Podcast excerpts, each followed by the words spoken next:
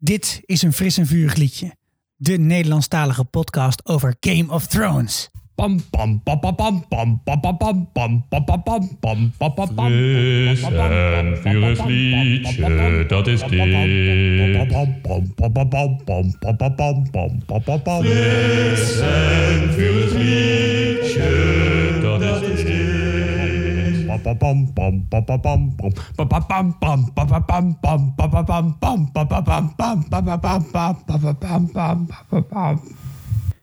Welkom allemaal. Ik ben Sikko Ik ben Esther. Ik ben Annaluna. en je luistert naar de Cersei Special. Oh my god. Ja, en deze special valt in een lange lijst met andere specials. Specials over Littlefinger, Varys, Bran en dit keer een vrouw. We nemen dit dan ook op op Internationale Vrouwendag. Ja. We gaan vandaag de Wikipedia-pagina aanpassen van Cersei. Is Dat dat was echt totaal geen boeiende informatie, maar het is Hoezo toch het- leuk? Nou, de vorige keer was de warme truiendag. Ja. Misschien is het wel zo dat wij alleen maar opnemen op mm, dag. Ja, dat misschien elke aflevering even herinneren wat voor dag het Ja, eigenlijk is. Ja, dus mensen gaan dit natuurlijk weer terugluisteren. En dan gaan ze mij weer belachelijk maken over hoe lang het heeft geduurd om het te editen. En dan zeg jij weer dat Guido inmiddels in Portugal woont. Dan zeggen we allemaal ja, ja, ja. dan Die hebben het we dat heel allemaal zwaar. weer Ja. gehad. Maar we wilden een keer een aflevering maken over Cersei. Waarom wilden we dat doen? Omdat Cersei Pampa-vet is. Pampa vet? Echt Pampa-vet. Ik zeg het niet vaak, Sikko. Tegenwoordig al helemaal niet meer, want het is vet uit. Het is Pampa-vet. Het is toch tantoe Pampa is ook. Oh, Pampa is ook, oké. Ja. Maar, ja, Ja, maar echt. Zeg maar, er zitten heel veel hele vette vrouwen in Game of Thrones. Zeker. En Cersei is wel gewoon... Ze is een van de grootste contenders voor de Iron Throne. Sterker nog, Ze, bezit hem. hem. ze bezit hem op dit moment. Daar zeg ik dus meteen bij. We bespreken spoilers.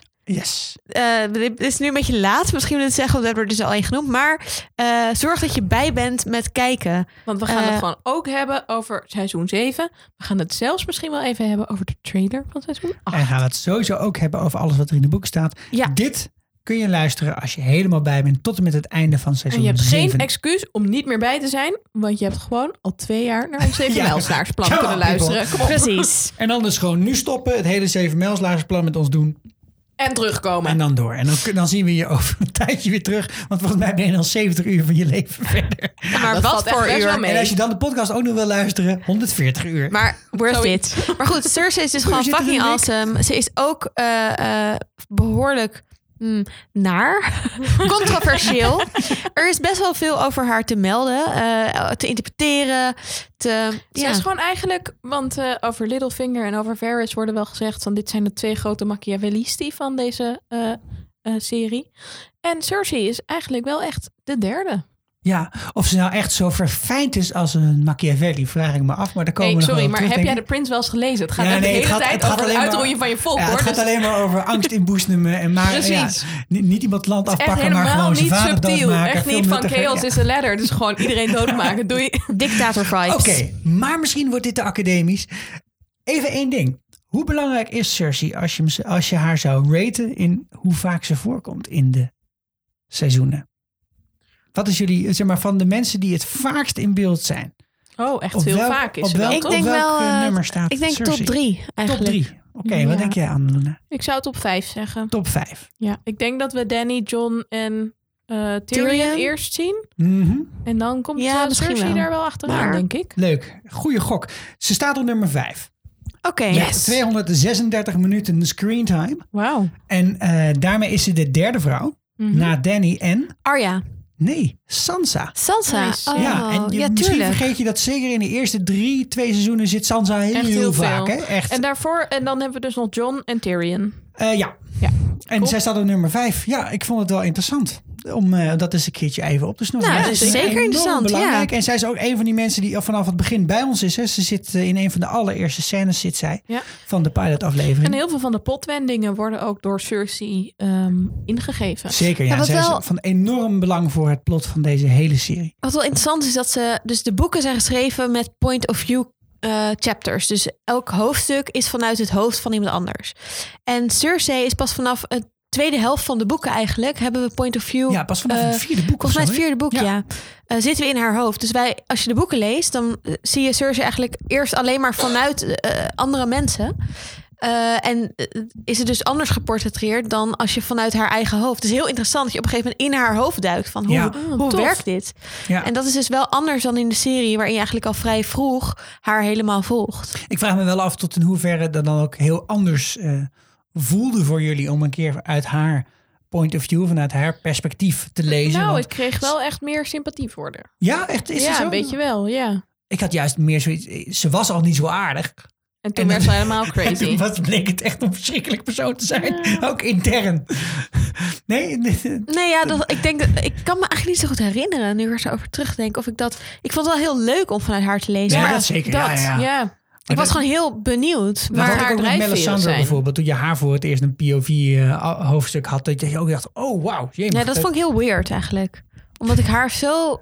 Nou ja, goed. Dat- Er is geen, het is geen Melisandre Ja, special. nou, het is niet, dit, is, dit is vooral onze manier om te zeggen... lees vooral eens een keer die boeken. Is Want ze zijn echt, Echt geschreven. waard. Het is echt te leuk. gek. Maar voordat je dat doet, luister gewoon even deze aflevering af. En hoe gaan we Ja. eigenlijk deze aflevering indelen, Sikkel? Ja, nou kijk, Cersei is natuurlijk een familiemens. Echt totally forget. Ja, it's all in the family. Dus wat wij hebben besloten is dat we dit a- ophangen aan de familie van Cersei. En uiteindelijk komen we dan misschien nog wel op wie er dan geen familie is en wie er echt complete competitie is. En we doen natuurlijk ook wel wat voorspellingjes. Maar het is wel leuk om eens te beginnen met wat nou ons favoriete moment is van Cersei tot nu toe. En Anneluna, wat heb jij meegenomen? Nou, ik, heb, eh, ik kon gewoon niet kiezen. Dat heb ik wel vaker. Maar ehm, ik had twee dingen. Het eerste is dat eh, Cersei degene is die ons The Game of Thrones heeft gebracht. Dat is zo. Want zij is degene die tegen Ned Stark zegt... Komt-ie? When the king returns from his hunt, I'll tell him the truth. You must be gone by then. You and your children. I will not have their blood on my hands. Go as far away as you can, with as many men as you can. Because wherever you go, Robert's wrath will follow you. And what of my wrath, Lord Stark? You should have taken the realm for yourself. Jamie told me about the day King's Landing fell. He was sitting in the Iron Throne and you made him give it up. All you needed to do was climb the steps yourself. Such a sad mistake. I've made many mistakes in my life, but that wasn't one of them. Oh, but it was. When you play the Game of Thrones, you win or you die. There is no middle ground. Dat was gewoon Cersei. Dat was Cersei. vergeten we een beetje. Want ja, Uit de was goede oude tijd met de tuinen. toen gewoon echt dat je nog niet dacht van... oh, zij is echt een belangrijk karakter. Maar ja, je onderschat haar misschien een beetje als kijker. Ned Stark onderschatte er in elk geval heel erg. Mhm. Eh, ze pleegt daarna gewoon een, eh, een koep. En eh, dat kost net zijn hoofd. Dat was Ehm, echt het stukje informatie wat je niet had moeten delen, vriend. Dat Nee, was echt. Ja, nou, dat hij ook komt aanzetten met zo'n papiertje en dat is het gewoon verscheurd. Zo van, ja, whatever. Dude. Dit spiekbriefje van jou. whatever, Nou, ah. whatever. Ja, oké. Ehm, en het tweede moment wat ik had, en dat vond ik ja, eigenlijk minstens even vet, is in seizoen 2. Dan eh praat ze met Littlefinger, Peter Baelish. Praat ze met Littlefinger. Ja. En dan Bedreigt stuur, ze wil zij hem, eigenlijk wil zij hem sturen om Arya te zoeken. En hij zegt, hij probeert haar te bedreigen. Dat is heel tof, want hij zegt een beetje, ja, die oude huizen, die vergeten nog wel eens iets. En dat is, knowledge is power. Dat wordt altijd toegeschreven aan Frans, Francis Bacon. Sorry, ik kan hier niet aan denken zonder te denken. Frans is bacon. Wauw. sorry. Maar goed, het wordt wel eens aan Francis Bacon toegeschreven.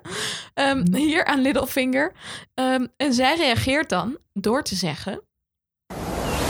When boys and girls live in the same home, awkward situations can arise. Sometimes I've heard even brothers and sisters develop certain affections. And when those affections become common knowledge, well, that is an awkward situation. Indeed, especially in a prominent family. Prominent families often forget a simple truth. I found And which truth is that? knowledge is power. Seize him. Cut his throat. Stop. Wait. I've changed my mind. Let him go. Step back three paces. Turn around. Close your eyes. Power is power. Power is power. power het gaat is niet om de illusie. Het gaat niet om wie je denkt dat macht heeft. Het gaat om wie macht heeft. En iedereen denkt, Cersei heeft geen macht. Want ze zit er alleen maar naast. Cersei heeft gewoon keiharde macht. Maar dit is echt mega interessant. Volgens mij zit ook, misschien kom je er later nog wel even op terug, maar een soort van eh, de hele, eh, het verschil tussen een heleboel mensen in, in de, de boek en de serie is dat heel veel beredeneren eigenlijk vanuit knowledge is power. En de Lannisters, maar zeker Cersei, power is power is gewoon hun Power is power is leading power. ding. Van ja, Ja. eh, whatever, jij weet allemaal shit over mij, maar wie zit er op de Iron Throne, people? Bitches. Aha. Hè? Ja. En dood is dood, vriend. Ja, dood is dat ook. Dan kan je wel al die knowledge Als ik hebben, je maar als ik je dood. Ja, precies. Heel goed. Zo doet zij dat. Nou ja, maar echt. Ja, dat is ze wel van de, pap, van de papa geleerd. ja, ja, ik vond zelf een van de allermooiste momenten ook serieus, ook op het gebied van hoe Lina Headey acteert.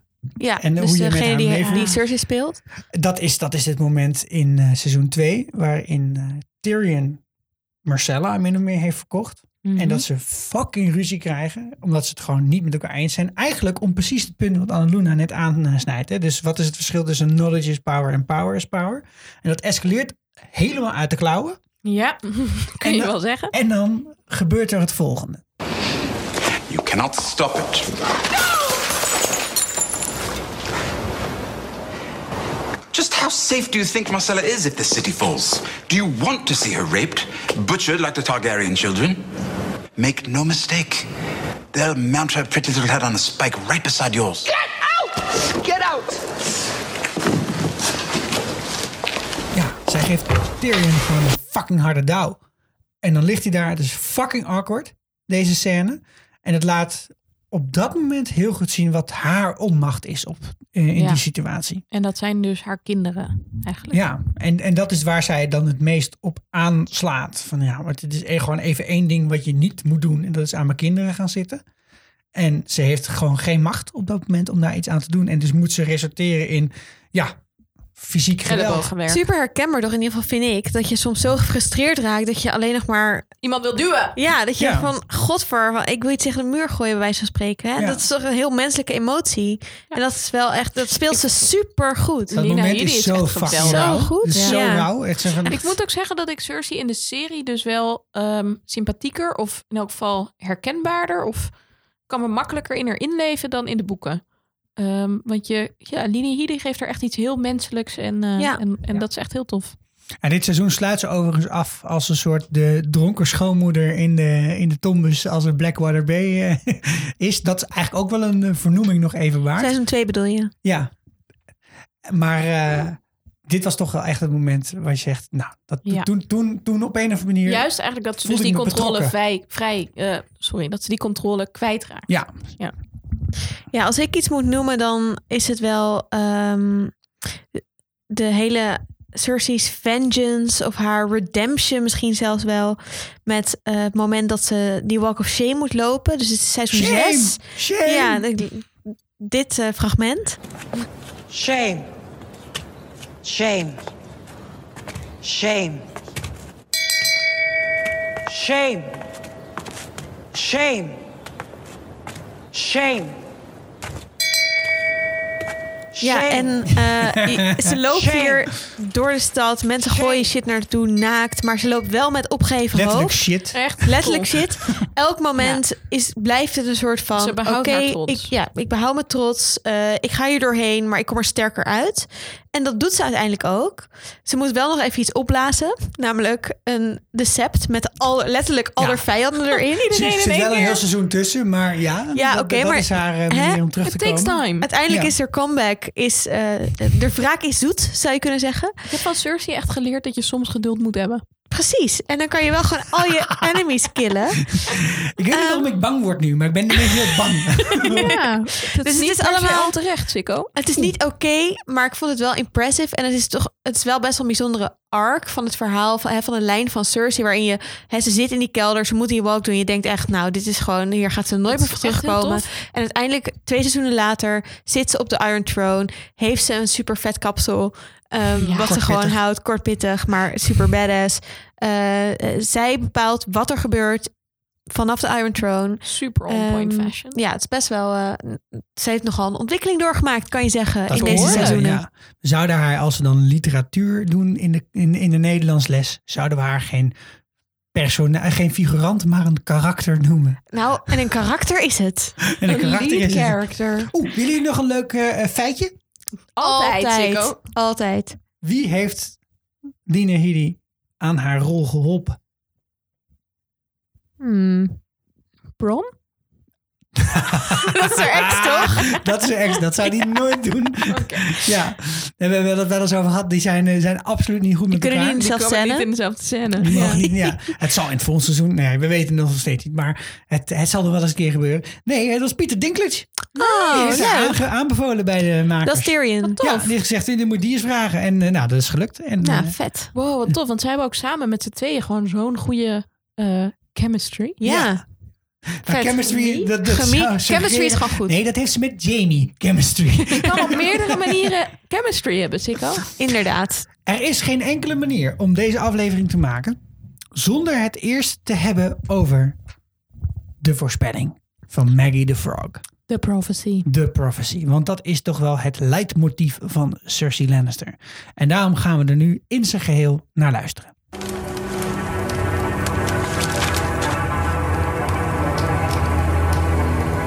Three questions you get. You don't the answers. I've been promised to the prince. When will we marry?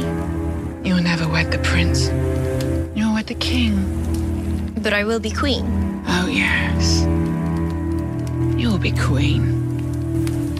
For a time. Then comes another. Younger.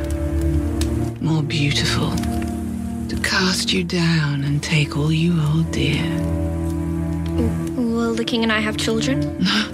The king will have 20 children. And you will have three. That doesn't make sense. Gold will be their crowns.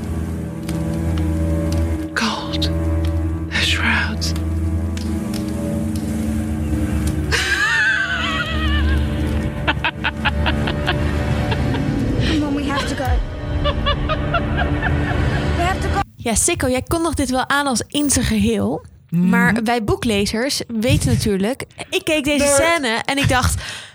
What? Want er ontbreekt iets. er ontbreekt iets. Hè? Ja, eh, dus hè, je, zal, je zal koningin worden... ehm, ehm, ehm, totdat iemand anders een, een mooiere koningin jou van die troon stoot. Eh, ja, je krijgt kinderen, maar ze zullen allemaal sterven. Maar in de boeken komt daar nog een zin achteraan. Welke dan? En die zin is als volgt.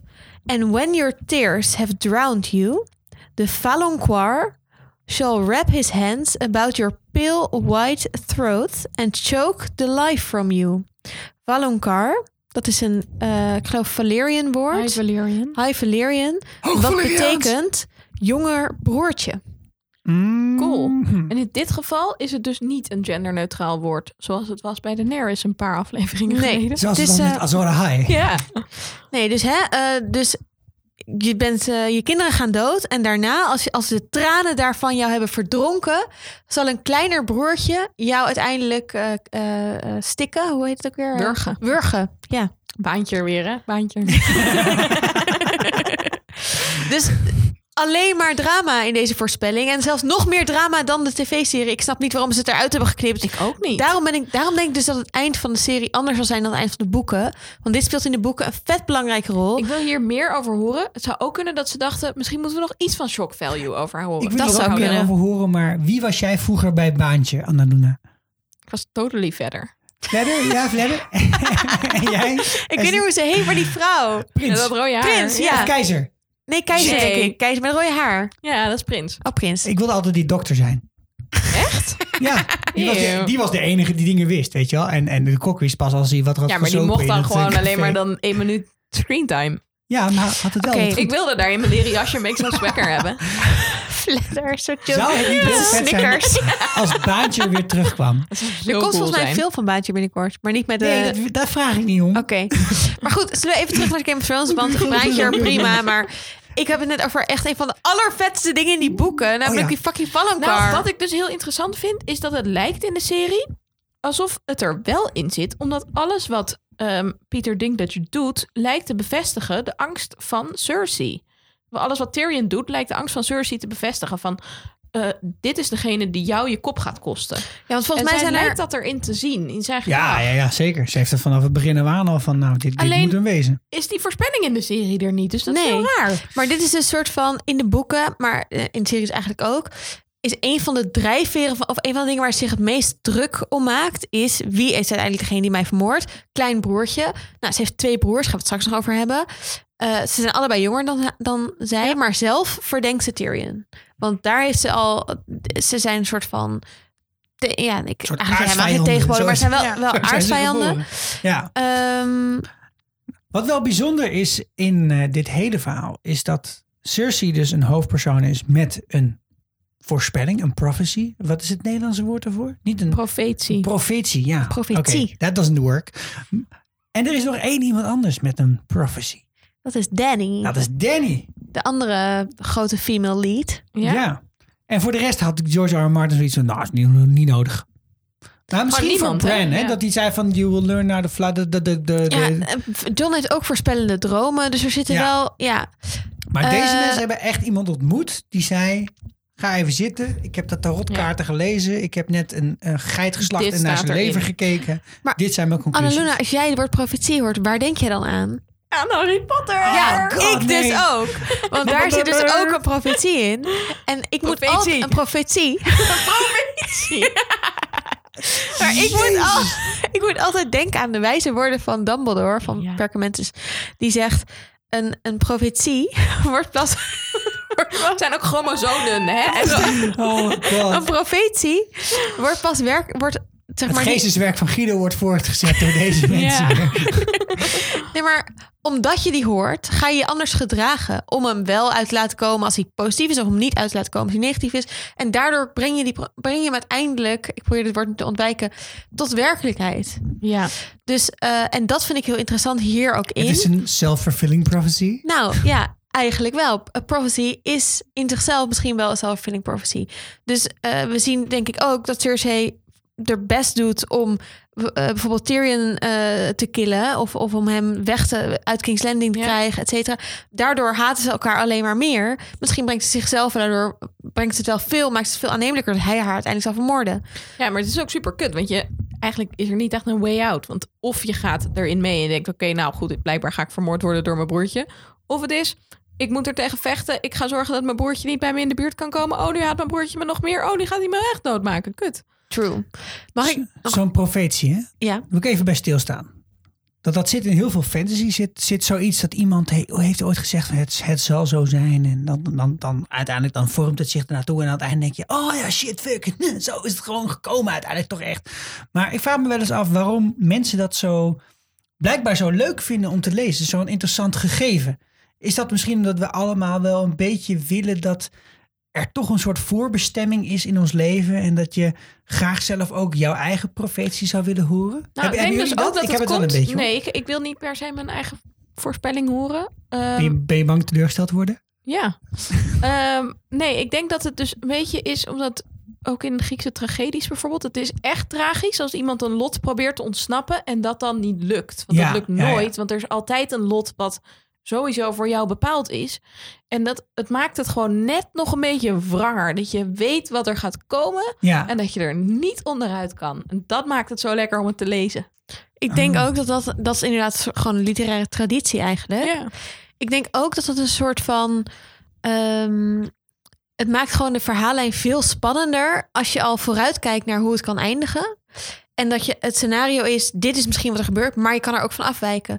Dus als je niet die vooruitblik hebt, dat, je, dat het zo open is dat je je er niks bij kan voorstellen. Dus je hebt een voorstelling van hoe het mogelijk afloopt. Maar de voorstelling is ook dat het niet zo afloopt. Dus je hebt sowieso twee opties.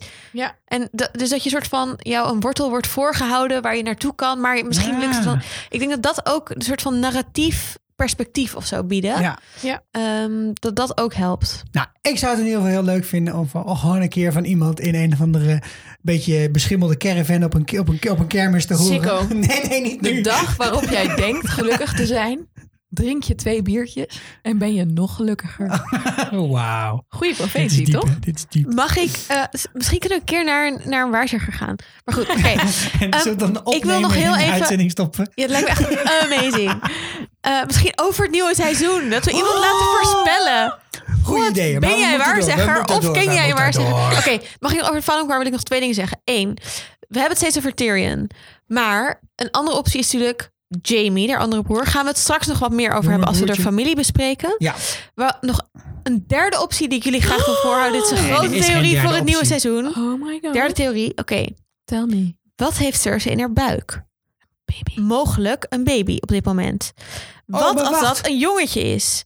Dan is het ook een jonger broertje. Nergens het dat het jouw jongere broer je gaat doodmaken. Dus dit, dit is sowieso een range of possibilities die hier open gaat. Hmm. Wat als haar kind uiteindelijk haar dood in een soort van childbirth, eh, miskraam, ja. whatever. Ja, en, En het dus kraambed. Het Ja. kraambed.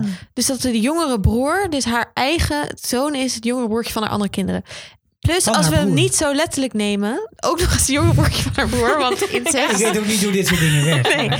En, en dus kan je Hoe van dan? haarzelf. kan je dus ook zeggen, het is niet letterlijk jouw jongere broer, maar een jongere broer. van. Er zitten natuurlijk nog veel meer jongere broers. Brandon is een jongere broer. Nou ja.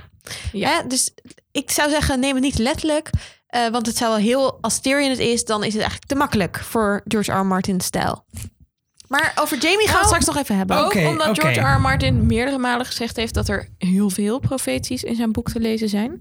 En er zijn er ook een paar waarvan hij gezegd heeft, of hij heeft niet gezegd welke specifiek niet kloppen, maar hij zegt wel niet alle profeties kloppen. Maar de rest van die profetie is tot nu toe Profetie. uitgekomen.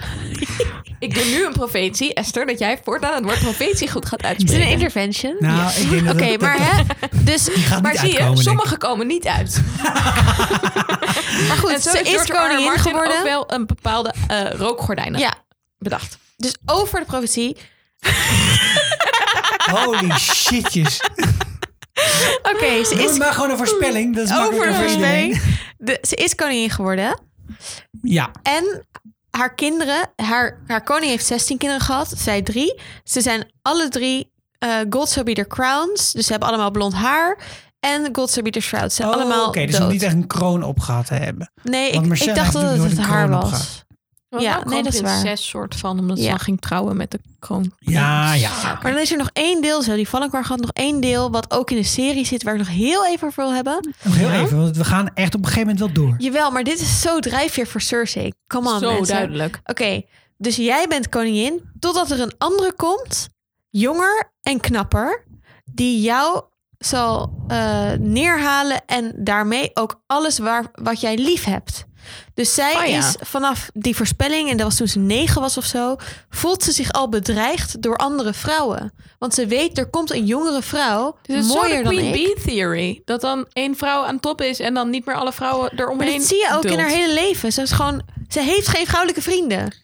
Maar even, hè. Ja. Wat, zij, wat zij lief, he- lief heeft. Hold dear. Wat is dat dan nog? Ja, de kinderen zijn al dood. Ja, Maar in het begin is het natuurlijk wel, wil ze haar kinderen beschermen ja tegen mogelijk nu andere Jamie vrouwen. is weg bij haar. Ja, nou ja, Ik heb, het, ik heb het gevoel dat dit al is gebeurd. En wie zie jij dan als de younger and more beautiful?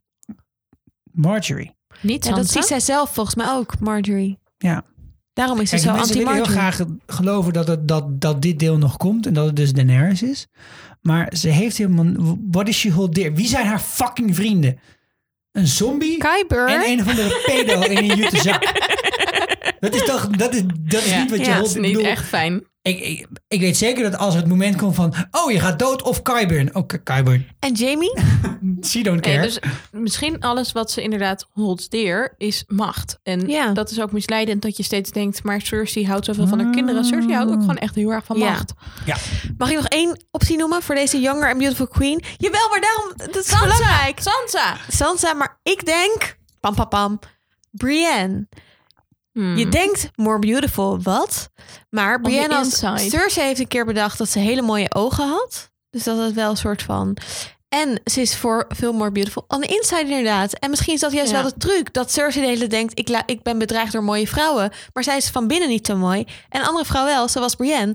En hold you dear, Bovendien- Brienne heeft ook Jamie van haar afgepakt uiteindelijk. Brienne is wel degene waardoor Jamie is Gwendolyn gaan twijfelen. Christie is super mooi in het echt. Ja, en dus ze wordt de- gewoon voor de serie minder mooi gemaakt. Dus we krijgen sowieso een makeover episode. Ik vind het heel erg meevallen in de serie. Ja, ze is Ja, maar in de lelijk, boeken maar- is, is ja. Brienne echt niet mooi, zeg maar. Behalve dus haar ogen. En ik vind dus het idee dat Brienne Jamie al heeft afgepakt. En dat dit dus een aanleiding is naar dat ze... haar- Dat vind ik echt vet. Want it's a family time. en als we het over familie hebben, moeten we misschien eerst maar eens even over de Lannisters hebben. Die Lannisters, wat voor mensen zijn dat eigenlijk, Esther? Ze houden best wel van macht. Oh. Cersei heeft niet van een vreemde. het is wel een oude familie, dus ze waren al lang in Westeros voor de, voordat de Andals kwamen. Dus de, ja, nou eh, de, de Andal Sandals? Invasion.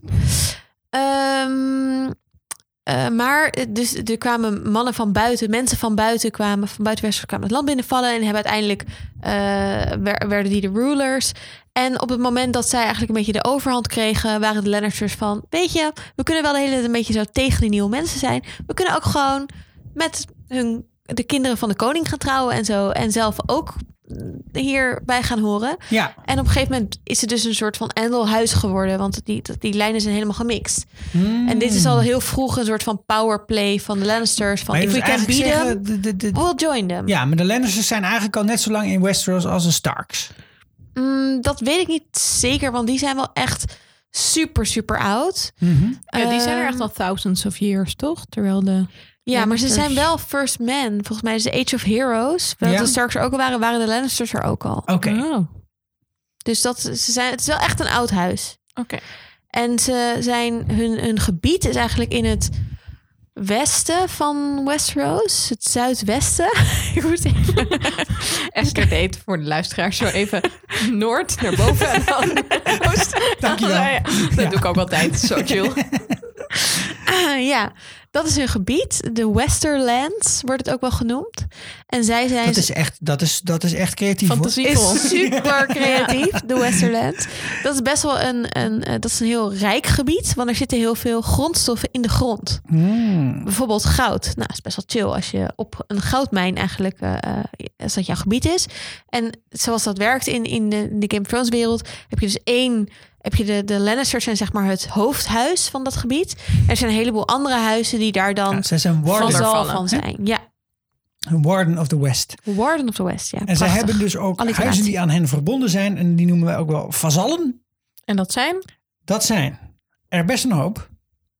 Onder andere, dus hè, het zijn meer dan deze, maar de, deze kennen jullie misschien niet. Misschien, misschien wel. Rosby. Eh, wie- kennen we Rosby? Ken ik niet. Geen idee. Oké, Stokeworth. Ja. In de Dat heb boeken ik wel eens zit, gehoord, eh, ja, zit, ja. eh, zit een vrouw. Clegane. Lollis? Clegane, Ja, dat ja, die kennen we zeker. Clegane van kennen. Gregor we en absoluut. Sandor. De twee broers. Ja, Die dus ook vechten voor de Lannisters. zeker. Die worden echt als een soort eh, veredelde schildwachten worden die ingezet. Payne. Ilin, pot. Ja, en, en, en Ilin en Pot, ik weet niet, volgens mij is Ilin de oom van Pot of iets in die richting of zo. Ja, het maar Ilin is die meneer die helemaal in het begin Die van de heeft. zit, die niet praat. En Podrick is degene die een soort van tripod is. Ah. Oh. Westerling. In de boeken belangrijk. De vrouw van Rob. Ja, Ja. Dus die gaan uiteindelijk weg bij de, bij de dat is een schandaal.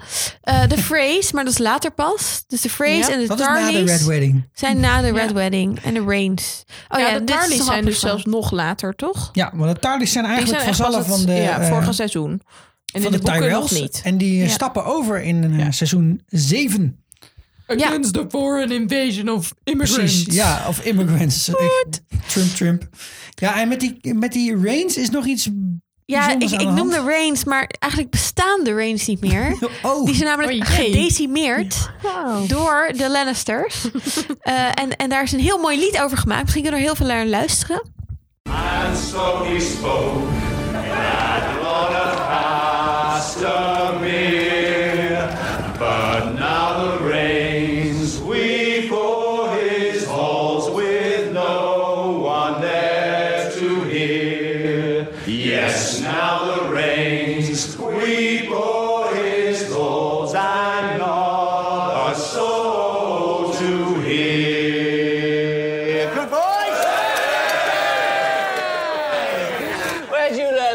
Lannister songs? Drunk Lannisters.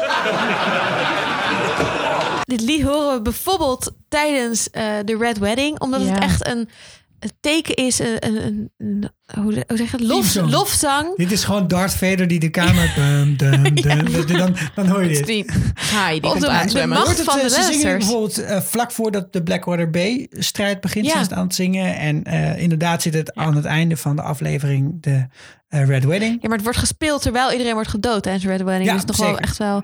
Maar goed, het is eh, de Reigns was een huis dat verbonden was aan, aan de Lannisters. Nou, ja, allemaal eh, gedoe, want ze kwamen in opstand. En toen kwam Tywin, die we kennen als de vader van Cersei. Dat is ook een brugje zo naar het volgende deel. Maar ehm, die, die dacht, ja, fuck deze shit. Eh, dit gaan ze niet fikken, Dat dacht hij fixen. precies. Hij dacht, fuck deze Fuck shit. deze shit. Eh, uiteindelijk eh, heeft hij ze zo ver verslagen dat alle Range zich gingen verschuilen in de mijnen onder hun kasteel. Want hè, wat ik al zei, het is een gebied met heel veel grondstoffen. En Casterly Rock is het huis van Lannisters. Het is ook allemaal mijnen. op, een- op een berg. Nou goed, de Range dus ook. En wat Lannister deed was: oké, dan ga je toch schuilen. Nou, dan kom je er niet meer uit ook. Dus die heeft met zijn soldaten alle in- en uitgangen dichtgetimmerd met rotsblokken. Heeft toen een rivier, een dam omgelegd. Om zo die rivier in die mijnen te laten lopen. sick. Ja, dit is ook weer gewoon keihard eh, Lord of the Rings. Hè? Echt. gewoon de Helemaal Lord of the Rings. En toen alle 300 mensen, dus de hele Range clan die zich daar heeft eh, verscholen, is nooit meer iemand uit die mijnen teruggekeerd. Dus zijn ze verdronken dan? Ze zijn Is dat verdronken. water in die mijnen gelopen? Eh, Dus ja, ze dat de is, Rains en ze zijn door water om het leven gekomen. Ja, zo je dat niet. is nee. Jammer. nee, het is heel ehm, ja, dramatisch. Ja, gezellig. En dit is allemaal door Tywin gedaan, hè? Dat is door Tywin gedaan. Ja. En eh, er is ook nog een quote over dat. ehm, dus ja, ze zijn allemaal verdronken. Ehm, en ehm, Tywin en alle Lannister-men die stonden erbij. En eh, die claimden keken nog wel dat ze, hoor- dat ze in de verte hoorden ze eh, geschreeuw. Oh. Maar toen het eenmaal dag werd, was er niks meer behalve stilte. Opgelost. Oh my god. Kunnen we door. None of the 300 men, women and children within ever emerged. Wauw.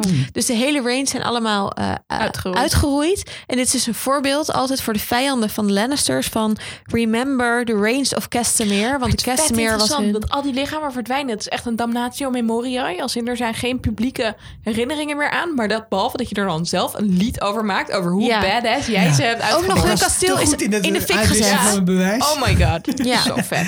Ja, Hey, en dit is een oud huis. Dus dan ga ik ervan uit dat zij ook allemaal fucking vette, toffe shit allemaal hebben. Ze hebben ook vast wel zwaarden van Valeriaan staal. Ze hadden een heel erg vet zwaard. Mhm.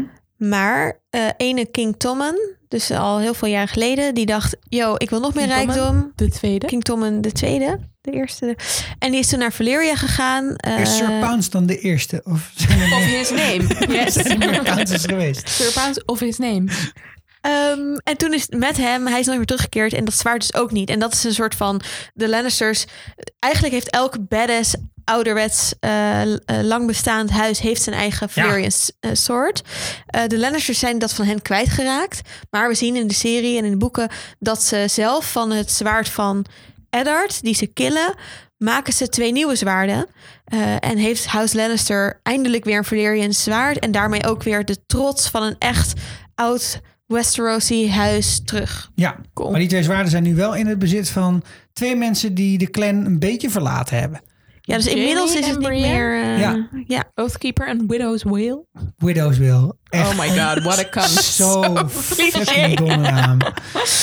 Maar goed. Ah, Joffrey. Om het terug te trekken naar deze tijd. Tussen En naar Cersei. Naar. Cersei. Ehm, zij is eigenlijk wel van een vrij groot belang voor deze familie van Lannisters. Dat, ja. En dat he- als we het hebben over successie en over het voortzetten van de lijn der Lannisters, is het zo dat er van de drie kinderen van Tywin En Joanna. en Joanna weinig verwacht kan worden van de meeste. Namelijk Tyrion. Die heeft geen kinderen. En die is een dwerg. Die was ooit getrouwd met Sansa, maar dat is niet geconsumeerd en daar is ook nooit wat uitgekomen. Hij heeft verder zijn zaad in van alles en nog wat gedeponeerd. Zeker weten, nog in de bloemvaas of eh, onder het kussen. Maar in ieder geval niet op een andere plek. En eh, ook kan de troonsopvolging, kon in ieder geval langere tijd, niet via Jamie gebeuren. Omdat hij Kingsguard was. Ja. Dat is hij inmiddels niet meer. Nee. In de serie dan in ieder geval. Maar het is ook niet alsof hij heel erg bezig is met dat project. Dus de, de enige die, eh, die kinderen had, dat was Cersei. Ze waren er wel van de broer. Ja, ik wou net zeggen. Maar, hè, maar dat, dat, dat zou dan de- manier zijn om de lijn door te zetten. Maar dat zou eigenlijk sowieso een probleem opleveren. Voor de Lannisters. Die, die, hè, die, Want de naam gaat verloren, bedoel die, je? de naam gaat over de mannelijke lijn. Inderdaad. Maar goed, dat is natuurlijk op zich... Ja, dat is een probleem. Dat vond Tywin heel erg kut. Ja. Dus ja, Tywin had eigenlijk bedacht... eh, Jamie gaat, eh, eh, wordt mijn, mijn troonopvolger... of wordt, wordt zeg maar de grote badass... die mij gaat opvolgen. Ja. Jee. En toen zei, de, zei, de, Jee. zei de Targaryen koning... Hmm, Ik wil Jamie wel gaan op Kingsguard. Jammer. Ja. Jamie had daar zelf ook veel meer zin in... volgens mij dan in, in Ja, baby's maken. Jamie wilde en gewoon lekker met Cersei vechten. neuken, En toch? met Cersei, ja. Ja. Ja, nou, er zit natuurlijk wel een moment in de serie dat, er, dat, dat dit echt serieus ter sprake komt. En dat is tijdens het, eh, de, de rechtsgang van Tyrion. Mhm. Dan is er op een gegeven moment het moment van... oké, prima, Tyrion gaat aan de muur. Jij houdt op met Kingsguard zijn. Jij gaat naar Castle Rock. Dat is gaat de deal die baby's wij- En dan ga je gewoon neuken. Maakt niet uit met wie. Als het maar met iemand is, dan komen de kinderen van... bup, dan doen we dat. Maar ja, dat is niet doorgegaan. Nee, want toen ging Tywin dood. allemaal niet doorgegaan. Maar nog heel eventjes, hè. we lopen een beetje, vind ik, vooruit, want we hebben het over Tywin. En misschien moeten we het gewoon heel eventjes hebben over de ouders van Cersei. Nee, precies. Nee, Ja, ik bedoel alleen te zeggen, en dit is dit belang van Cersei in, in, in, Ja, de, in de ja, lijn ja, van in de lijn. Is Ja, Cersei nee, dat is eigenlijk de laatste schakel die nog iets kan doen op dit moment. Ja. Om Ja. die lijn voor te Legaal, zetten. ja. En dan is het Nou ja, nu niet meer, want Jamie kan, staat nu Jamie niks in de weg om gewoon even baby's te gaan maken. daar Met Danny, met Danny. Maar. Plot hebben- twist. Ja, wat, waarom kan dat niet? Dus kan. het- Als ze erachter komt, oh, je bent mijn neef. Met Sansa, met Sansa, super met de Brienne, Ja, dat wil ze zeker, ja. Nee, Tywin en Joanna. Joanna Lannister. Wie was dat ook alweer? De moeder van Cersei? Ja, maar die is er al een tijd niet meer. Nee. Nee, die is gestorven terwijl ze... eh, In eh, het kabinet van Tyrion. ja, precies. En ehm, het was eh, echte liefde, Tywin en Joanna. Echte liefde? Ja? Ja, nou ja, kan, ja ik weet niet. Is dat bewezen? Hoe bewijs je dat? Lastig. Ja, ik bedoel... Eh, er gaan wel geruchten dat King Aerys, Mad King Aerys, ook af en toe een keertje een bezoekje heeft gebracht aan het bed van Joanna. Ja, dus Hmm. Tywin, dat zien we ook in de serie, verdenkt Tyrion ervan een kind te zijn van eh, Joanna en de Mad King. Dat hij haar verkracht heeft. Of, en dat zou een van de motieven kunnen zijn waarom hij Tyrion zo haat. Ehm, Precies. er zijn theorieën dat niet Tyrion, maar dat Cersei en Jamie de kinderen zijn van de Mad King. Nee joh. Jawel, Ja. zeker. Welke theorieën dan? Nou, Gewoon deze theorieën. theorieën. Ja, vertel even, Nou, waarom kijk, denk je dat? nou, waarom denk je dat? Wie lijkt er in deze hele fucking serie het meest op de Mad King? Cersei, burn Cersei. them all. Burn them all. Zij is super. Ze is de Mad Queen. Cray-cray. Ze is cray Oké, Haar oké, kind. Oké, oké. Het kind van Joffrey en. Eh, of van Jamie en Cersei is Mad King 3.0 zo Oh, ongeveer. Oké, maar als we deze de ruimte van mogelijkheden openen, ja. dan kunnen er En heel broer veel en dingen zus aan die het met zijn. elkaar doen. Wat is dat voor een Nee, maar Targaryen Targaryen? Wat zelfs kan, is Ja. dat, eh, dat, dat hè, stel je voor, stel je voor, ik ga even de bioloog uithangen. Aha. Want Cersei en Jamie zijn een twee-eiige tweeling. Want Ja. de ene is Ja? jongetje en de andere Oh is ja, een meisje. ja, dus ja, dat lukt, anders is dat echt heel erg moeilijk. dus er moeten op zijn minst twee eitjes zijn geweest. En nou, laten we dan in ieder geval zeggen dat in ieder geval één daarvan is bevrucht door Aerys. Ja. Dan kan het nog steeds zo zijn Dat de ander van... Nee, maar... dat de ander van Tywin Kunnen ze is. dan zo erg ik op denk elkaar het niet, omdat over de Targaryens altijd gezegd werd... als twee Targaryens een kind krijgen, is het 50-50 chance. De ene is normaal en de ander niet. Dus dat zou heel mooi zijn als je twins hebt... en dat de ene normaal is en de ander cray cray. Ah, Maar- jee, wat- Fire is ook de drijfveer, toch? Ik bedoel, het is. Het nee, Ja, maar jullie maken zo helemaal mooi. gek, Dit is toch awesome? Altijd, Sikko. Altijd. Misschien kan ze wel op een draak. Ja. Who knows? Oh, ik heb helemaal heel erg lang in de, in de veronderstelling gelezen. Dit komt vooral door Sander, die dat, die theorie heel erg aan het promoten is. Dat als er dan eentje is die niet in het setje hoort, dan is het Tyrion. Maar dit is, nou, dit is zo vet. ja, nou, ik moet zeggen, ik vind hem ook wel vrij vet, deze theorie. Echt vet. Ja, hou ik wel van. Overigens, even een kleine tussenvraag. Hoe oud is Cersei eigenlijk? In de boek of in Dat de is een serie? onbeleefde vraag, dat weet ik. Maar in, in, de boeken. Oeh. Ik gok dat ze nu... Ik weet in de boeken niet zo goed eigenlijk. Ehm 30? Ja. Joffrey is in de boeken natuurlijk echt pas 13 of zo, Ja. toch? Ja, de- volgens de boeken is ze ergens in haar dertiger jaren. En Dat Ja. geldt dus ook voor Jamie. En dan... ehm, ja, maar ik moet daardoor... Wat eigenlijk wel gek is, want dan is Tyrion dus jonger, maar die ziet er echt veel ouder uit. Ja, maar Tyrion is veel jonger. Tyrion is namelijk in de boeken in ieder geval in zijn twintigen. Maar die Dus is er zit zes of tien jaar tussen. jonger. Daarom En- is hij zo viriel.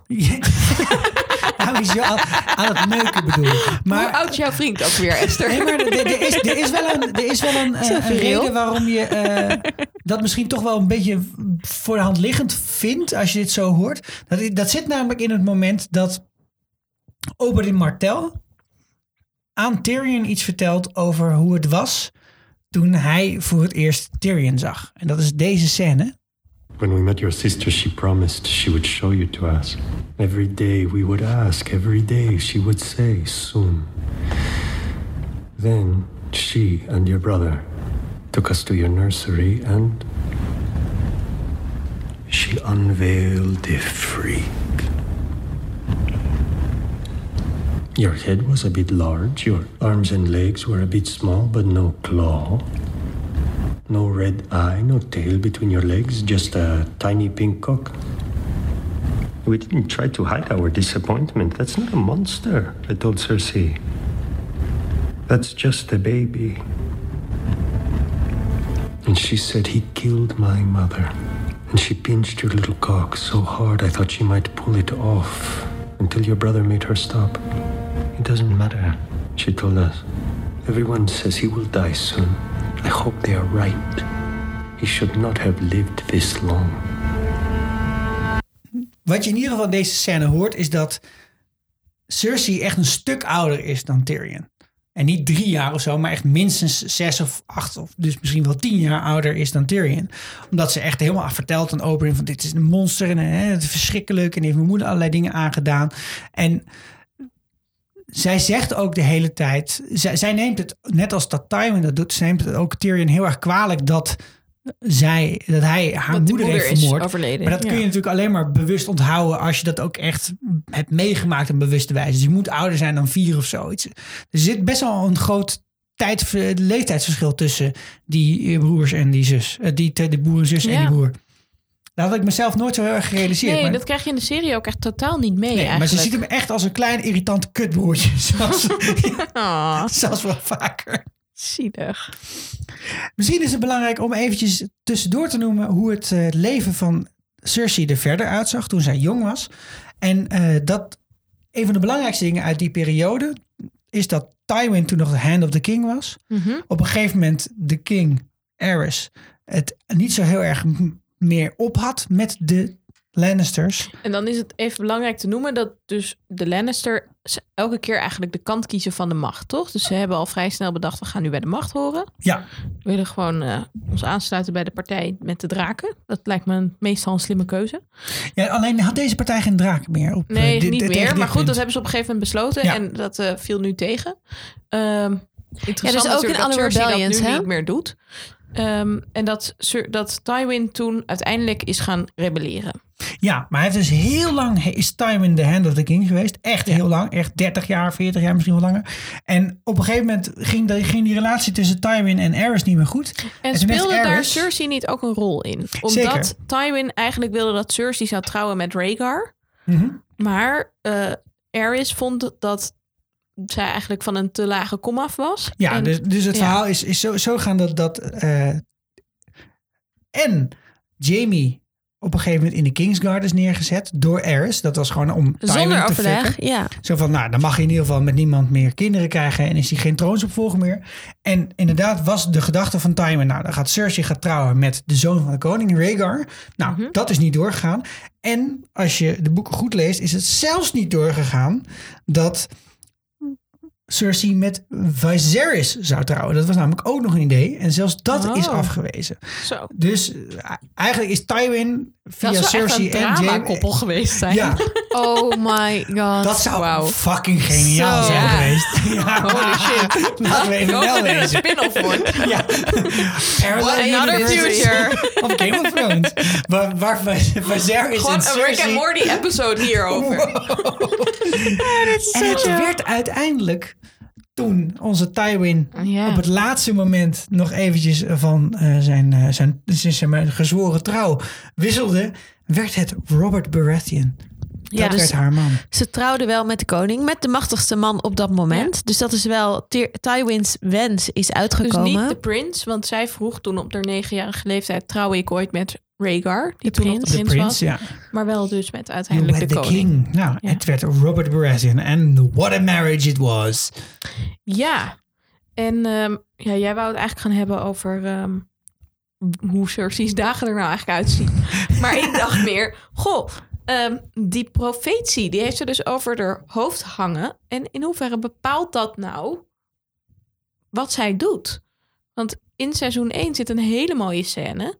Ehm, die zit niet in de boeken, maar wel in de serie. En die maakte voor mij wel echt heel inzichtelijk hoe Cersei eh, functioneert. Laten we even luisteren. You want to know the horrible truth? I can't even remember what she looked like. I only know she was the one thing I ever wanted.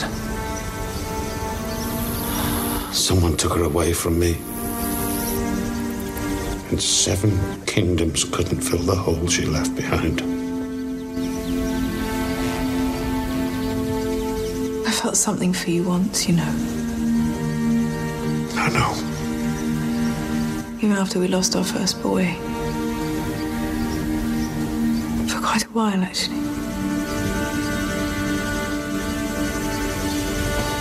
Was it ever possible for us? Was there ever a time, ever a moment?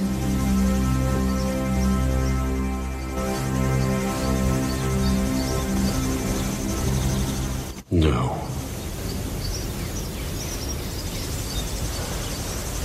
Does that make you feel better or worse?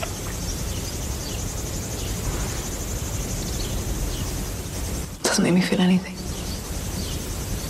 En je denkt altijd, Robert is zo verliefd op Lyanna. Eh, hij heeft haar nooit een kans gegeven. Maar misschien heeft zij dus ook niet helemaal hem een kans gegeven. En ook gedacht op het moment dat ze met hem trouwden van... oké, nou, dit gaat niet helemaal goed. Blijkbaar gaan wij verschillende soorten kinderen krijgen. Hij 16 en ik 3. Blijkbaar is voorbestemd dat ik het met mijn broer moet gaan doen. Oké, YOLO. Maar was ze niet al Oké, heel, ja, ja, ja. was ze niet al heel vroeg verliefd op Jamie? Ja, wel, maar er is ook wel volgens mij een soort moment waarop ze denkt: als ik andere liefde vind, betere liefde, dan laat ik dat gaan. En Ja. dat ze toen echt weer bewust heeft gekozen voor Jamie. Ja, Ja, ik, en hij was natuurlijk ook in de buurt. Zeker in de boeken wel. Is Ja. dat echt wel een keuze of een, een soort. maar Ja. wat ik wel echt nog heel belangrijk vind om over haar jeugd te noemen eigenlijk... en alles wat leidt naar dat, dat huwelijk, is dat soort van... Dus Cersei wordt geboren met naast haar een, een eh, broertje die super erg op haar lijkt... maar, Maar een man jonger is. is. Jonger, ja, maar zeg maar, oké, maar zeg maar twee minuten. Nou, dus eigenlijk jonger, maar van- Ja, oké, zij dus zouden zij zouden troon- ja, troonopvolger precies. zijn als ze allebei man waren. Als ze Targaryen, Targaryen was geweest, als echt, dan was ze echt gewoon nog interessanter. Maar goed, Eh, want he- die, zijn- die hebben wel eens een claim van vrouwen voor mannen. Maar goed, in de wereld nu is dat niet zo. Dus ze heeft een ietsje jonger broertje. Eh, maar ook nog iemand die identiek is aan haar. Dus iedereen zegt jullie lijken vet Ja. erg op elkaar van uiterlijk als innerlijk. Maar die de hele tijd anders wordt behandeld vanwege zijn piemel. Ja.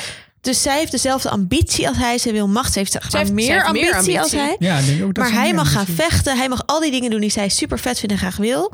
En haar leven wordt vanaf het begin af aan ingericht op... jij moet een man vinden en baby's krijgen. Ja. Ehm, dan krijgt ze nog een jonger broertje. Dat is een dwerg. Die haat ze al vanaf dat hij klein is. En die krijgt nog steeds wel meer kansen eigenlijk. Meer macht, meer kansen als zij.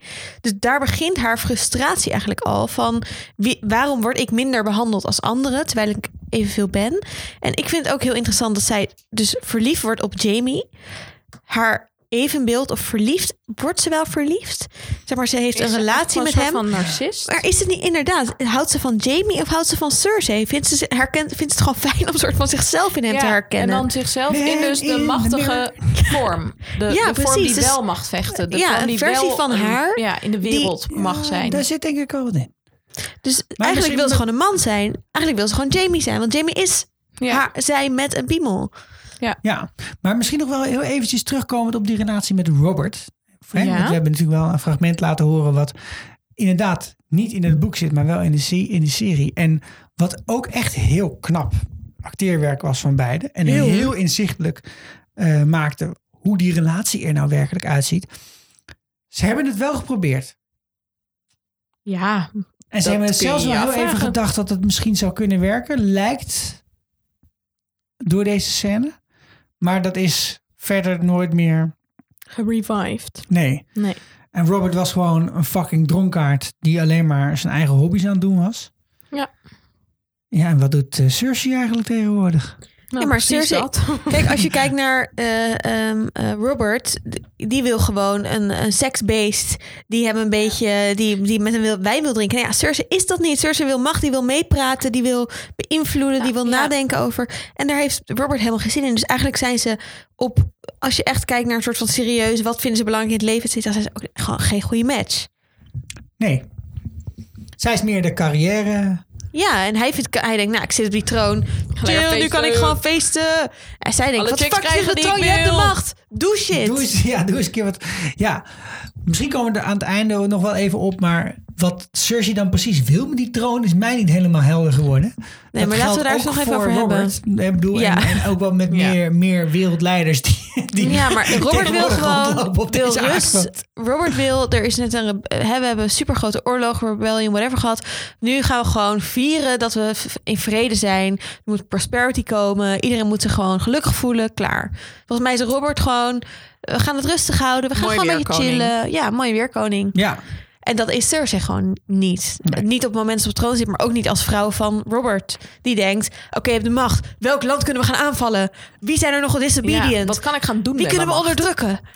Alright, hebben we ouders gehad, dan hebben we haar man gehad. Dan gaan we dan toch maar naar haar broer, haar tweelingbroer.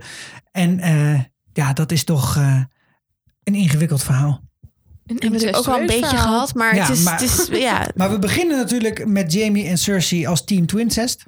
Dat is de manier waarop ze aan ons worden geportretteerd, aan ons Ja. worden voorgesteld. Het lijkt in het begin zelfs alsof zij eh, zo machtig zijn met z'n tweeën dat ze ook John Arryn wel even hebben vermoord. Komen we veel later achter dat het helemaal niet het geval is, maar dat, Dat het is is een gebeurd. suggestie aan het begin. Ja, zeker. Maar het Ja. zit hartstikke dik, eh, ligt dat er bovenop. En eh, dat is toch wel een, een liefdesrelatie. Een vrij gelukkige liefdesrelatie. Alhoewel af en toe dan iemand uit het raam gezoden flikkerd moet worden. ja. gelukkig voor hen, niet voor de rest. Ja, precies. En eh, ja, dat the things I do for love. Hij noemt het ook echt liefde. Hij doet het Hij zo. noemt Ja, het ook hij echt noemt dat liefde. zo. En dat gaat pas eigenlijk voor het eerst een beetje mis als in seizoen 2. Mag ik hier iets interessants over Oh, zeggen? Ja.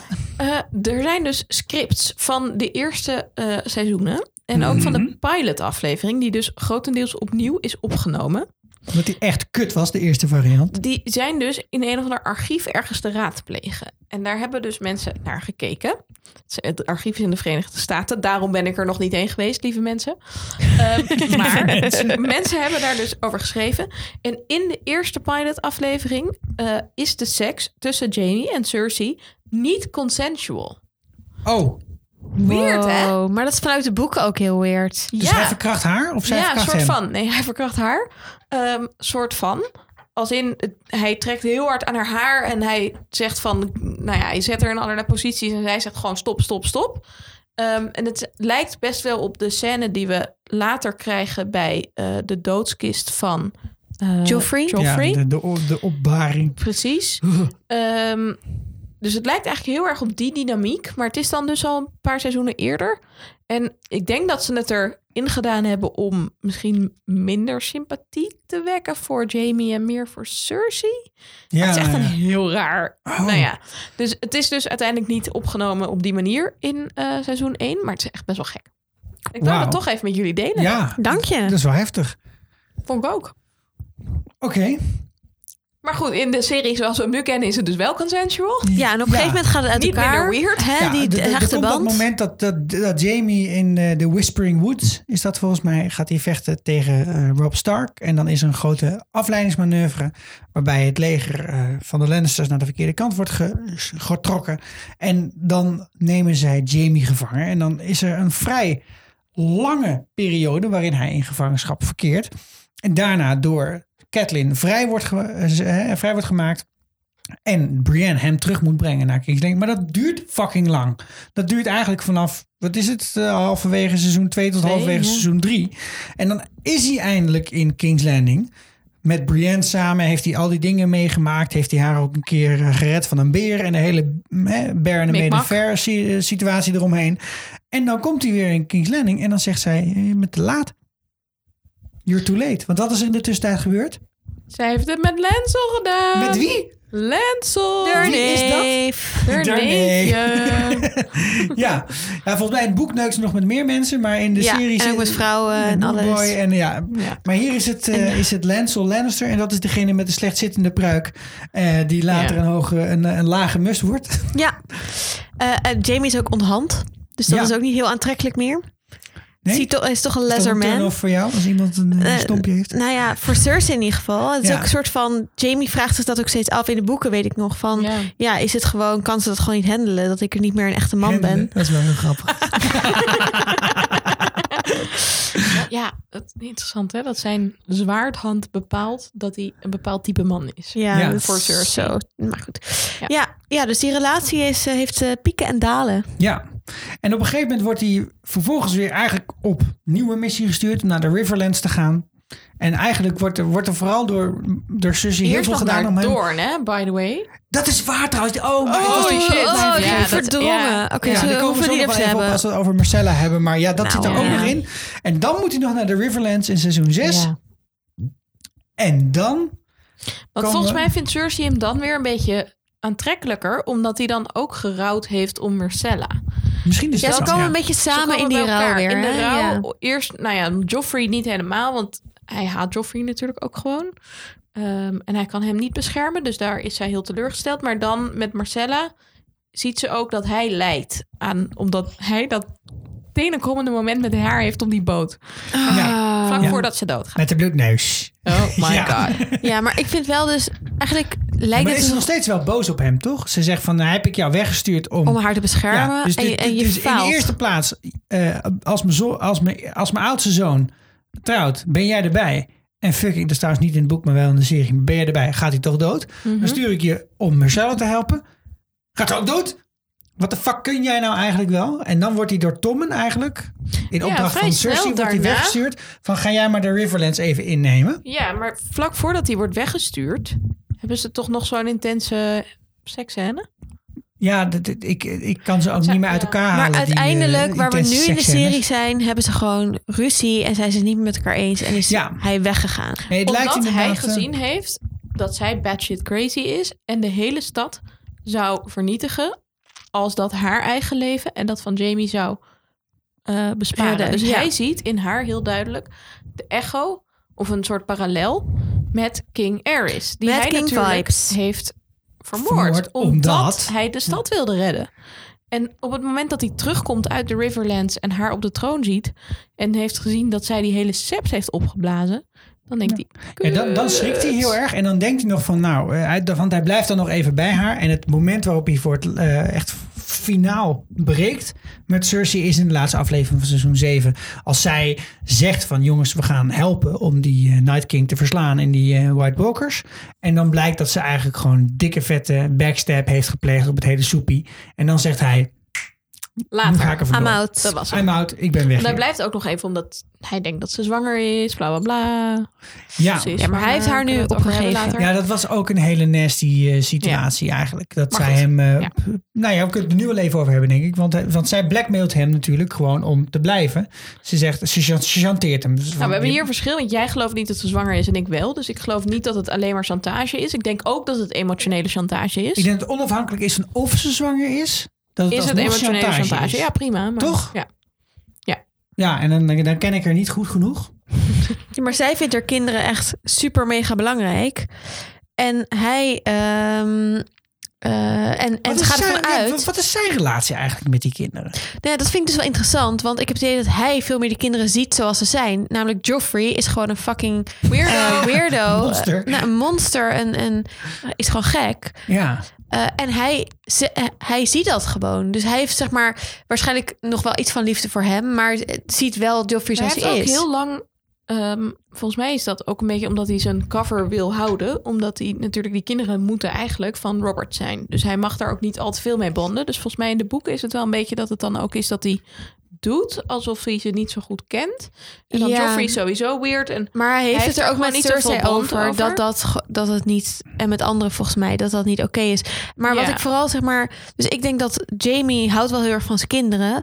maar ziet de wereld gewoon veel realistischer, zeg maar, dan Cersei. Cersei heeft een soort van laag van de frustratie uit haar jeugd... van eh, frustratie over haar vrouwelijkheid. eh, is, is, voelt zich heel kwetsbaar, want zij is de enige die voor zichzelf opkomt. Dus haar kinderen zijn een soort van haar baken. ja, haar baken, eh, die, die ziet ze helemaal niet zoals ze zijn. Die ziet ze als een soort van perfectie. En dat gaat ze, ik denk dat ze dat langzaamaan hebben, steeds meer los gaat laten. Bij Tommen, op een gegeven moment, in het begin is ze nog heel beschermend. Ja. Dus hij, ik zou je liever zelf doden dan, dat- dan dat iemand jou mag eh, eh, gevangen mag nemen in, bij Blackwater Bay. Uiteindelijk pleegt hij zelfmoord en is ze daar, lijkt ze er niet echt rouwig om. Dus dat, dat gevoel van loslaten en steeds maar alleen maar op zichzelf vertrouwen. En ik moet macht krijgen en ik ben de enige die kan vertrouwen. Ik heb het idee dat dat zich uiteindelijk zelfs naar de kinderen extent. Oké, maar nu we het toch al zo erg over de kinderen van Cersei hebben, laten we ze eventjes opnoemen. Eh, en bespreken één voor één wat haar relatie met die kinderen is. Dan hebben we het natuurlijk over Joffrey, Marcella, Tommen en Gendry. En Hoezo Gendry. Gendry? Oh, dat is echt een crazy. Dat is echt amazing. Dat is echt een crazy theorie. Ehm, we hebben natuurlijk in seizoen 1 gezien dat eh Catelyn aan het ziekbed zit van eh Bran Stark. En dan Ja. gaat Cersei daarnaast zitten en die houdt een of ander vet weird verhaal over dat ze ook een keer een ziek kind had met koorts. Het was haar eerste kind toen ze nog met Robert was. Eh, Of toen ze nog met Robert kinderen wilde gaan krijgen. Ehm, en dat kindje kreeg koorts. En het is Mhm. sowieso al best wel weird dat je naast het ziekbed van een kind waar een moeder naast zit te waken, gaat vertellen dat jouw kind ook ziek was en toen doodging. Niet zo heel positief. Super sociaal. Oh ja, heb ik wel eens gezien, ging dood. Maar dan, nou ja, de, dat kind gaat dood, overlijdt. Maar er is dus een theorie dat dat kind helemaal niet overleden is, maar dat dat kind bij haar is weggehaald of dat ze zelf dat kind heeft weggegeven. En dat ze een soort van postnatale depressie en misschien een soort van persoonlijkheidsstoornis heeft. En ook een, eh, ja, bijna dat ze dat kind dus niet ziet als haar eigen kind. En dat ze daardoor heeft kunnen weggeven. En Ja, dat maar dan dat niet van Jamie. Niet van Jamie is, want dat kind had zwart haar. Dat dat Ja. het kind van Robert is. En dus de eerstgeborene van Robert en van Cersei. Dus daarmee de legitieme troonopvolger. Dus geen bastard. Mhm. En op het moment dat dit verteld wordt, zie je dan ook een smid in Winterfell. En Gendry is natuurlijk een smid. En nou, er zijn Ja, allemaal van die ja, kanten ja. die Misschien komt Gendry wel op de, op de throne Je weet uiteindelijk. het niet. Het kan zo. Brand weet het. Brand weet het Oh. waarschijnlijk. Maar goed, het is natuurlijk echt een crazy theory. Ja, maar het is Ehm, wel een belangrijk ding, want in de boeken wordt er namelijk gesteld dat zij een abortus heeft gehad.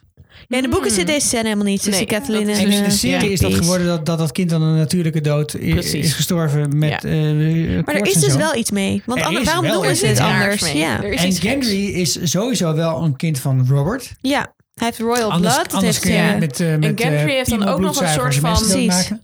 jeugdherinneringen aan een blonde vrouw die voor hem zong. En dan Precies, dressed ja. as a whore. En Cersei gaat wel eens, als ze naar plekken wil gaan waar ze eigenlijk niet zou mogen komen als koningin, of waar ze niet gezien wil worden, gaat, verkleedt ze zich eh, als hoer. Ik vind dat niet slim, maar dat is een andere discussie. Dat is een andere discussie. Maar ik vind het leuk. We gaan niet Gendry als de- als de vierde. maar het is een leuke theorie in elk Ja. geval. En ik ben benieuwd wat we ervan eh, terugzien in seizoen 8. Oké, dus misschien is dit zo, maar hoogstwaarschijnlijk is het niet zo. Nee, dan verder heeft zij nog drie, heeft zij drie kinderen, Joffrey, Marcella en Tom. En Joffrey, Joffrey is... Gewoon is, een eikel. Nee, maar is, is, is natuurlijk haar oogappel. Want hij is de eerste. Want hij is de eerste en ze Hij is de houdt heel erg ervan. En hij is de troon, eh, maar het is eigenlijk wel de grootste rare koekwous die er ongeveer is. Ze ziet het ook wel, want ze zegt ook wel eh, dat ze hem best wel een idioot vindt Ja. en heel vervelend. Maar dat ze heel erg van hem gehouden heeft toen hij baby was. En Precies. zelfs Joffrey kan dat niet van haar afnemen. Nee, en, en er zit een vrij belangrijk moment in het tweede seizoen, waarin, eh, volgens mij is het de eerste aflevering ook van het tweede seizoen, waarin natuurlijk, hè, dus, dus net is weg, Robert is weg, eh, Joffrey is de koning. Eh, die heeft net in de aflevering 9 heeft hij eh, even eigenhandig een besluit genomen van, nou, die eh, Ned Stark kunnen we wel even onthoofden. Nou, dat liep niet zo lekker af. En Cersei denkt op dat moment nog van, nou, ik krijg hem wel weer onder de duim. In het gereel. Ja. Weet je, dat, dat lukt mij wel. En dan confronteert Joffrey haar met die pijnlijke roddels die er circuleren. I heard a disgusting lie about Uncle Jamie. And you? Our enemies will say anything to weaken your claim to the throne. It's not a claim. The throne is mine. Of course it is. No one believes this foul gossip. Someone believes it. Father had other children. Besides me and Tom and Emma Marcella. What are you asking? I'm asking if he fucked other women when he grew tired of you. How many bastards does he have running? What you just did is punishable by death. You'll never do it again. Never. Altijd als je Joffrey kan laten slaan. Even laten horen. Het is zo fijn. Het is zo fijn, jongen. Die, oh, dit is, dat is eigenlijk misschien wel een van de jammerste dingen aan het Verder Duin podcast zijn. Maar die, die slap, jongen, in die bek van die Ik gozer. wou zeggen aan dat Joffrey dood is in de serie. Ik dacht dat je dat ging zeggen. Dat hij geslapt wordt. Oh, heerlijk. Nee. Maar volgens mij realiseert zij zich op dit moment van... oké, oké, kut, kut. Nou is, die, Ja. nou is het hek van de dam. Nu, kan hem, nu kunnen we hem niet meer eh, controleren. Ja. En het, het escaleert alleen maar helemaal uit de Helemaal de pan klauwen... in dit, in dit, Ja. in dit, in dit hele eh, seizoen. Er zit nog wel een moment... Ze heeft nog wel enige controle over hem. hè. Tijdens de Blackwater Bay is het grootste punt... dat, dat hij natuurlijk midden in de frontlinie staat. En dat zij hem nog wel terug weet te roepen op een of andere manier. Wat super awkward is. Voor Dat dat- machtsspel tussen hem en haar en Cersei, eh, Sansa is heel cool. Ja. Dat Sansa probeert hem te laten vechten Ja. en dood te laten gaan. Ja. En dat Cersei hem probeert te beschermen. Ja. Maar ik vond van, van het tweede en, de, tweede en derde seizoen gewoon heel erg vet dat je ziet dat dit helemaal de pan uit escaleert. Het werkt gewoon echt helemaal niet meer. En deze gozer is niet te controleren. Maar goed, haar andere twee kinderen, eh, Marcella en Tommen, dat zijn schatjes. Daar is het niet mee misgegaan. Nee. Marcella, maar wordt zij vrij snel weggestuurd. Ja, Ja, en zij fukt Tom volgens mij gewoon helemaal op. Ja. ja, maar om het even snel naar Marcella te halen. de- ze, ze is niet een hele grote speler in de serie. In de boeken is Marcella belangrijker. Mhm. Omdat eh, er op een gegeven moment ook wordt gezegd van... nou, Marcella is wel gewoon de tweede in lijn. En nu dus de eerste in lijn. Omdat, Tom een, eh, omdat eh, Joffrey dood is. Dus is eigenlijk een troonopvolger. Er ontstaat een hele geschiedenis in Doorn. Dat zij denken, Mhm. nou, we gaan haar gewoon de koningin van Westeros maken. En dat wordt een vazal van Doorn. Nou, dat lukt allemaal niet. Verder zit Marcella niet, eh, eh, speelt ze van niet een hele grote rol. Ze is gewoon, ja, een lief meisje.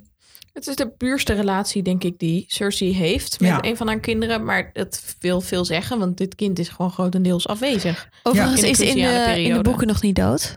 Nee, dat is waar. Het is onduidelijk waar ze precies is. Ja. Eh, Cersei denkt geloof ik wel dat ze dood is. Ja, dacht ik ook. Gaat ze stilzwijgend vanuit. Eh, maar dit is nog heel interessant in de boeken. Maar goed. Eh, wat er precies met haar is gebeurd, kan nog eens een heel machtsspel opleveren. Ja. Weer een van de redenen dat de boeken zoveel vet zijn. Maar goed. Precies. George Ehm, weet ook nog niet wat hij hiermee aan moet. Nee, dat, dat Nee, waarschijnlijk. dat is wel- Darkstar. Nee. Maar goed. Nee, En dit- maar Tom ze en geeft uiteindelijk ook wel toe dat Joffrey gewoon een totale mis, dat ze die totaal verkeerd heeft ingeschat. Marcella, daar heeft ze niks meer aan. Dus is ze overgeleverd aan de enige die er nog over is. Ja, en die is dat dood. is Tommen. Ja.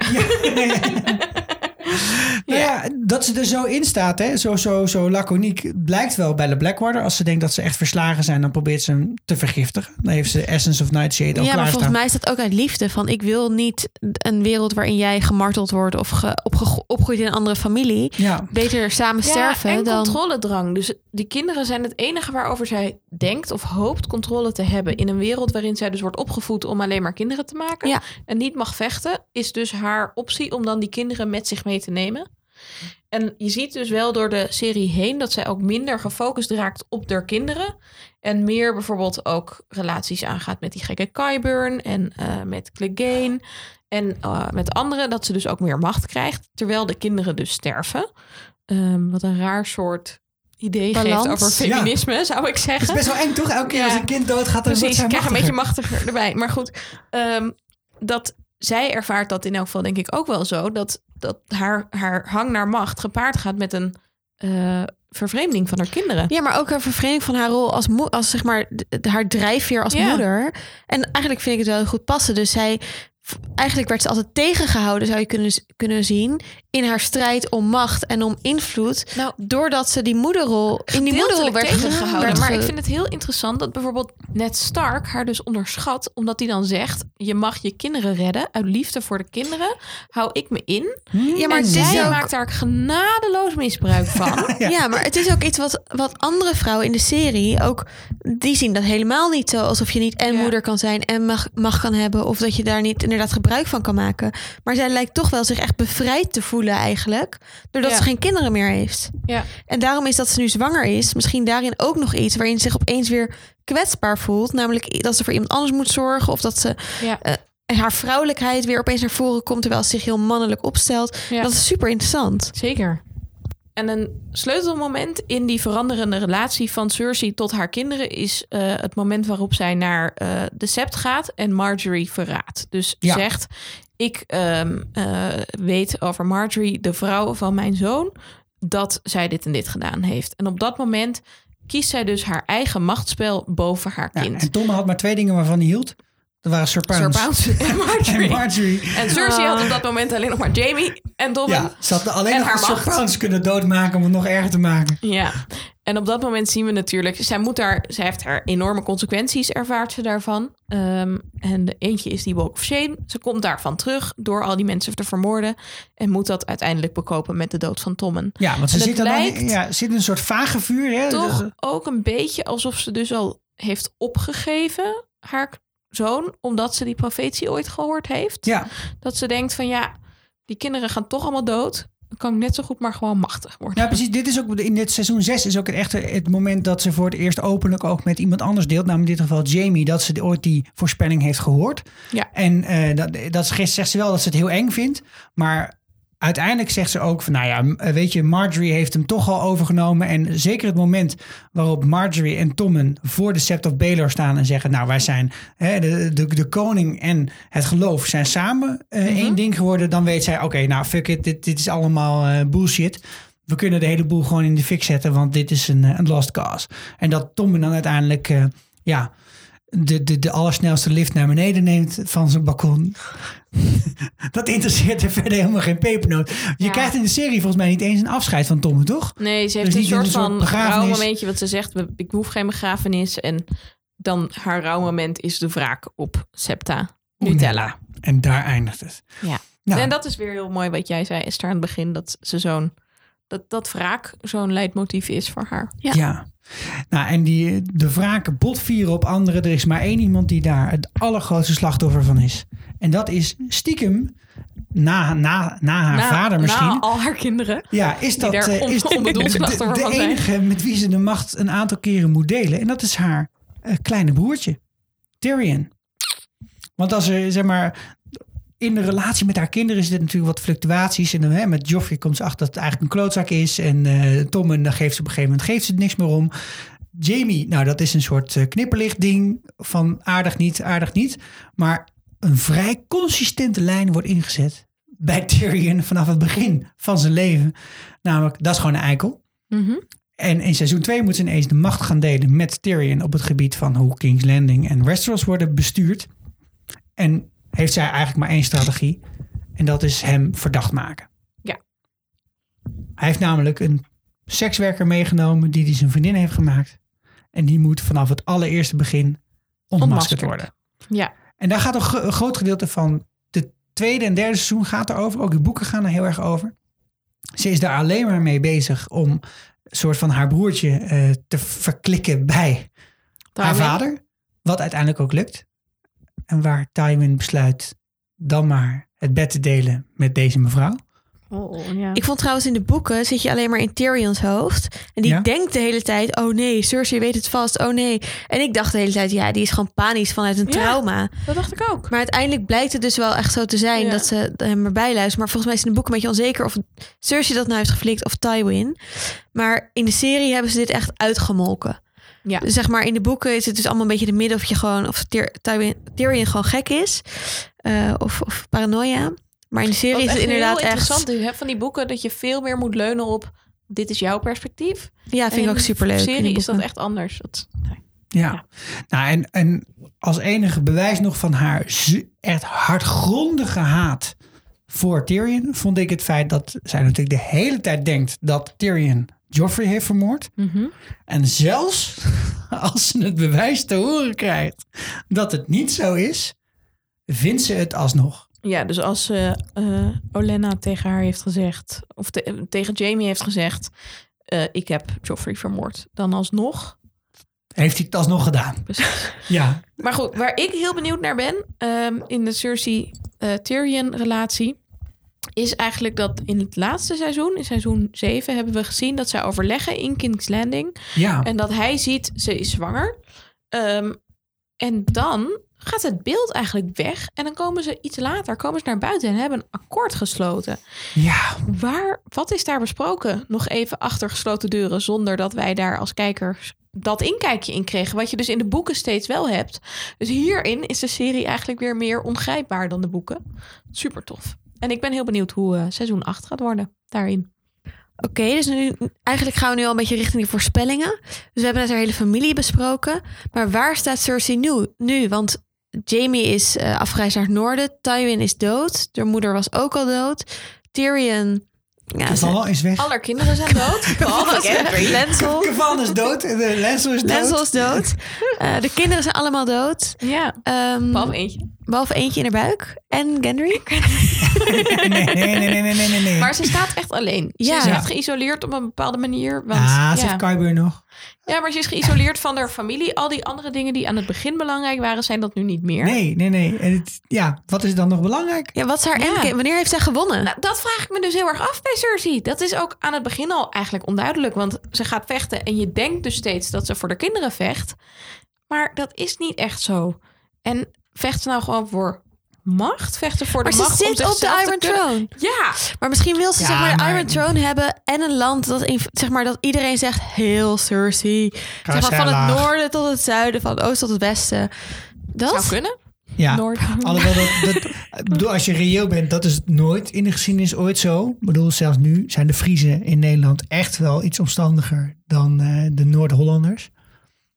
Sch- Onderschat die Oké. Noord-Hollanders niet. Maar ja, Nee, maar ja, dat is natuurlijk een illusie dat iedereen eh, jou eh, een toffe pik vindt. ja maar Ja, heel sowieso. realistisch hebben we er al niet echt Maar gevonden. Cersei, Nee. also, geeft echt helemaal geen fuck om de people. Dus Nee. dat Nee, is wel maar, ja, duidelijk. maar waar dan wel in fucksnaam om? Nee, Ja, dat is echt wel dat- boeiend, toch? Dat is heel intrigerend. Het is bijvoorbeeld bij Daenerys is heel open haar ambitie ook. Dat is een heel ander soort ehm, karakter. Ehm, als je dan toch twee sterke vrouwen met zo'n duidelijke ambitie hebt, dan is dat dus bij Danny super open. Bij Cersei is het ambitie verstopt achter een familiewens. Dus net als dat Tywin steeds zegt: ik wil het beste voor mijn familie, ik wil het beste voor mijn kinderen, zonder te kijken wie die kinderen precies zijn en wat die kinderen dan graag willen. Heb je dat bij Cersei ook een beetje? En nu zijn die kinderen Ja. dus weg. En Ja, is het dan over pure ambitie, zonder doel, is dat ook de boodschap die George R. R. Martin wil zeggen. Van dit is een prins die dus niet vecht voor een volk, maar echt puur en alleen voor hemzelf. Ja. Wat is... Ja, dat, dat, dat hele verhaal met motieven blijft natuurlijk dat is misschien ook wel de hoofdmoot van wat eh, Game of Thrones is. Hè, met een John, die, die is degene die de basis maar nog niet wilde zijn inderdaad. En zoals je sch- sch- schetst, Daenerys, die, nou ja, die, die is eigenlijk begonnen om Westeros in te nemen. En ondertussen had, kreeg ze allemaal idealistische projecten. ze Side project. Weet je wel, van ik wil eigenlijk minister-president worden, maar ook voorzitter van Greenpeace. Nou, weet je, dat idee. En Cersei, die is van Amerika gewoon, gewoon een heel vervelend mens geweest. Ja, maar in de trailer zien we, van het nieuwe seizoen kijkt ze ook op een gegeven moment best wel smug. Van, nou, Ja, in het begin heel erg. Ze Ja. smurkt echt. Maar later zien we er weer met tranen in haar ogen. Ja. Wat een verwijzing zou kunnen zijn naar de profetie van When you've drowned in your own tears. Oeh. En wat ik heel intrigerend vind is dus dat je nu twee vrouwelijke leiders hebt die allebei misschien geen kinderen meer kunnen krijgen. Want over Cersei is natuurlijk gezegd dat ze drie kinderen krijgt. Die heeft ze al gehad. Daenerys is ook een profetie, profetie dat ze geen kinderen kan krijgen. Of ze krijgen allebei incestbaby's. Namelijk Ja. eh, En dan gaan ze die offeren aan John de Night en. Danny hebben seks gehad. Dat zijn ook nichtje en neefje. Ja. En Len, Jamie en Cersei. Dan krijgen we straks Battle of the Incest Babies. Maar, maar, so- maar sorry, begrijp ik nu uit deze, uit deze uitspraken dat de Night King op zoek is naar incestbabies voor zijn leger? Want als je, als je een Nou. leger samen zou moeten stellen van kinderen, dan zou ik geen weten kiezen. alleen maar dat de Night King op zoek ging naar de baby's van Craster. En dat waren... Incest Absoluut. babies. Nee, dat waren zeker alle 99 Wow. katholieken met de Is incestbabies. dat het inderdaad? Willy alleen maar incestbaby's in zijn leger. En is het dus eigenlijk, is de Night King symboliseert eh, incest. En dus moet de hele samenleving gepurified worden van die incestbabies. Ja, en dan blijkt Als er geen incestbabies meer zijn, is kun je ze niet eh, meer aan de Night King geven. Dus is het een soort van civilization process. Mag ik nog even een alternatief Westeros universe aan jullie presenteren? Waarin Cersei en Danny hun krachten bundelen... Awesome. om zich te ontroeien van het patriarch. nice. Oh ja, hè, het patriarchaat. Hoe badass is dat? Ja, en wat als badass. Cersei dan ook een Targaryen is... en ze allebei op een draak kunnen? What? Ik Nou, ik zie hier enige parallel met de Power, namelijk dat die, dat die wereldheerschappij ook niet super gezellig Nee, zal dat zijn. zou kunnen. Dat is een goed nee, boek. dat is wel waar. Dat zijn allebei Mad Queens. Dat is Ja. niet helemaal goed. Maar als je dan de Hand, Tyrion en dan Arya als Queen's Guard. Oh my God. Ik wil het. Ook een psycho killer trouwens. Maar er is wel iets bijzonders aan de hand ook met Cersei en Danny als je door de timeline van de boeken heen loopt, toch? Ja, ja nee, ik, ik heb het idee dat je tel- telkens maar één van hen in een soort van piek kan zijn. Dus als je, als je kijkt naar, de, naar wat, er, wat er gebeurt, dat als... Peak Cersei is altijd, is altijd down Danny. Ja, dat- nee, dat soort toch van... hoort dat vrouwen altijd dan synchroon gaan. Als ze maar bij elkaar in de buurt zijn. Nee, maar als, Ja, ja. Cersei- als, als Danny zeg maar aan, aan, eh, aan top is van, het, van, het, eh, de macht. van de macht, dat Cersei net in, in, de, in de kerker zit eh, van de Ja. Hoogmus eh, en andersom. En dat vind ik wel heel interessant. Dus is dit ook een soort van George R. R. Martin, er mag maar één echt sterke vrouw zijn? Of is het gewoon toch wel juist uiteindelijk heel feministisch, dat het draait om de macht van deze vrouwen die met elkaar een soort van clash wereldoorlog krijgen, eh, in plaats en dat alle mannen helemaal niet zo'n heel belangrijke rol spelen. Ik ben vet benieuwd. Ik ben super benieuwd naar. Ik heb trouwens een theorie, als we ook nog even kijken, vooruitkijken naar de endgame en, en, doen. en, het, en het nieuwe seizoen. Dus hoe. Want Cersei heeft eigenlijk gewoon niet zo'n hele chille positie. Ze zit in King's Landing. Eh, ze heeft niet Daar is superveel tenminste nog lekker weer. loyale vrienden. Ze heeft net de Iron Bank afbetaald, maar ze heeft niet per se hun allegiance. Nee, dat, kunnen we daar heel kort over hebben? Kan jij, mag je even. Mag je even- Want de Iron Bank eh, is dus door Tywin De IJzeren Bank. ook altijd aan een soort van lijntje gehouden. Want hij heeft nooit de schuld eh, in zijn geheel terugbetaald. Wat ook wel slim is, want als iemand echt een shitload aan geld van jou terugvereist, dan kun je beter misschien eens in de zoveel tijd een beetje terugbetalen, zodat ze liefde en hanging for more. Ehm, in plaats van in één keer alles, zodat ze al dat geld weer vrij te besteden hebben. En in het gesprek Mm. tussen Tycho, hoe heet die? Nestoris. Nestoris en Cersei in het vorige seizoen, zie je dat hij haar heel veel complimenten maakt. Van, je bent echt je vaders dochter. Always pay your debts. Maar dat deed Tywin dus nooit. En hij lijkt haar eigenlijk honing om de mond te smeren. En zij heeft dus misschien een fout gemaakt in eh, het terugbetalen van die schulden. Want nu heeft de Iron Bank ineens heel veel speelruimte om dat geld weer aan andere mensen Nou te ja, en- ja. en ze zouden dus nu een hele andere partij kunnen gaan steunen. Precies, ze zijn ook het belang in, het, eh, heer, in de heerschappij van Cersei is verloren. Precies. Dus want nu als, zijn ze... ja, want als jouw ja. schuldenaar eh, alles heeft terugbetaald, dan, dan is er geen reden meer om je achter zou die dus persoon te scharen. mooi zijn eigenlijk dat zij zich toch vergalopeert in te veel willen lijken op Tywin, maar dan een fout maakt op dit. Ja, maar gebied. aan de andere kant is het wel zo dat, dat toen Tywin er nog was, eh, de Iron Bank Stannis ook gewoon geld Stannis gegeven. heeft, eh, geld heeft gegeven. Dus maar het niet zo heel veel. Nou, genoeg voor een flink eh, clubje paarden. En, Ja, niet genoeg om King's Landing in te nemen. Nee, maar dat is misschien ook wel een beetje zijn schuld. Of die van Tyrion. Ja. Nou ja, Maar goed. in- ik, ik ben dus heel benieuwd of we iets van dat eh, machtsspel over geld gaan terugzien. Want Het is wel heel ja, de R. R. Martin company zit er achter. gewoon Ja, weer in. En er wordt gewoon geld Ja, geleend dus bij de nou, nou, daar wil ik de graag nog even over hebben. Zit er wel in. Dus eh eh, Cersei zit in King's Landing, best, toch best wel geïsoleerd. Alle andere mensen waarvoor Root, mensen met macht, mensen met draken, zitten in het noorden, want daar is een vet grote bedreiging. Daar komt het leger gewoon aan. Het leger van de dood. Mhm. Een leger van de dood. Cersei heeft gezegd, ja, fuck jullie, ik ga jullie niet helpen. Wat eigenlijk, je kan zeggen, best een beetje dom. Want als zij straks niet maar winnen... wel een wapenstilstand, toch? Ja, precies. Maar zeg maar, stel eh, de, de andere verliezen. Ze hebben niet de, de kracht van Cersei erbij, van de Golden Company, et cetera. Eh, als ze verliezen, dan komt uiteindelijk dat Army of Dead plus super versterkt. Want al die mensen die net verslagen zijn. Ja, de ik heb het draken. gevoel Drie dat- Ice Dragons. Ja, ik heb het gevoel dat zij dat deel van, van, van deze uitleg niet heeft opgelet. Nee, dat ze dat niet helemaal snapt. Want, want de manier waarop ze ook in die aflevering erover sprak van... Nou, dan maakt eerst dat leger hun dood. Ja, best en dan zijn ze zwart en dan komen ze hierheen. En toen had iemand moeten... Nee, maar het werd dus zo dat ze dat zijn ze erbij, Laten we wel wezen. We hebben Cersei gezien in seizoen 2, waarop ze gewoon op het punt stond om zelfmoord te plegen met haar kind. Ik denk dat Cersei het gewoon echt winnen vindt als ze last woman standing is. Ja. Dan gaat ze wel zelf Kyber doodmaken en zelf de game dingetje doodmaken. Er is ook een Night Queen theorie trouwens. Ja. Cersei als Night Queen. Maar goed, dat, nog even iets anders. Hoe zou de Mountain, hè? Hoe zou de Mountain het doen Als ijszombie. tegenover de Night King? Nou, Ja, want hoe ga hij je is hem- al een soort van dood. Ja, Maar en er is is dus een, ik heb een theorie. theorie. serieus? Ja, nee, awesome. Maar ehm, eh, eh, er is dus een. eh. Oké, stel je gaat even bedenken, hoe kan Cersei winnen? Ja. Hoe, hoe wint Cersei? Oké, dus het zou kunnen als ze slim is, wat ik niet denk dat ze doet. Maar dit zou het, het scenario zijn. Dus ze heeft de Golden Company en Euron. Dat zijn heel veel mannen.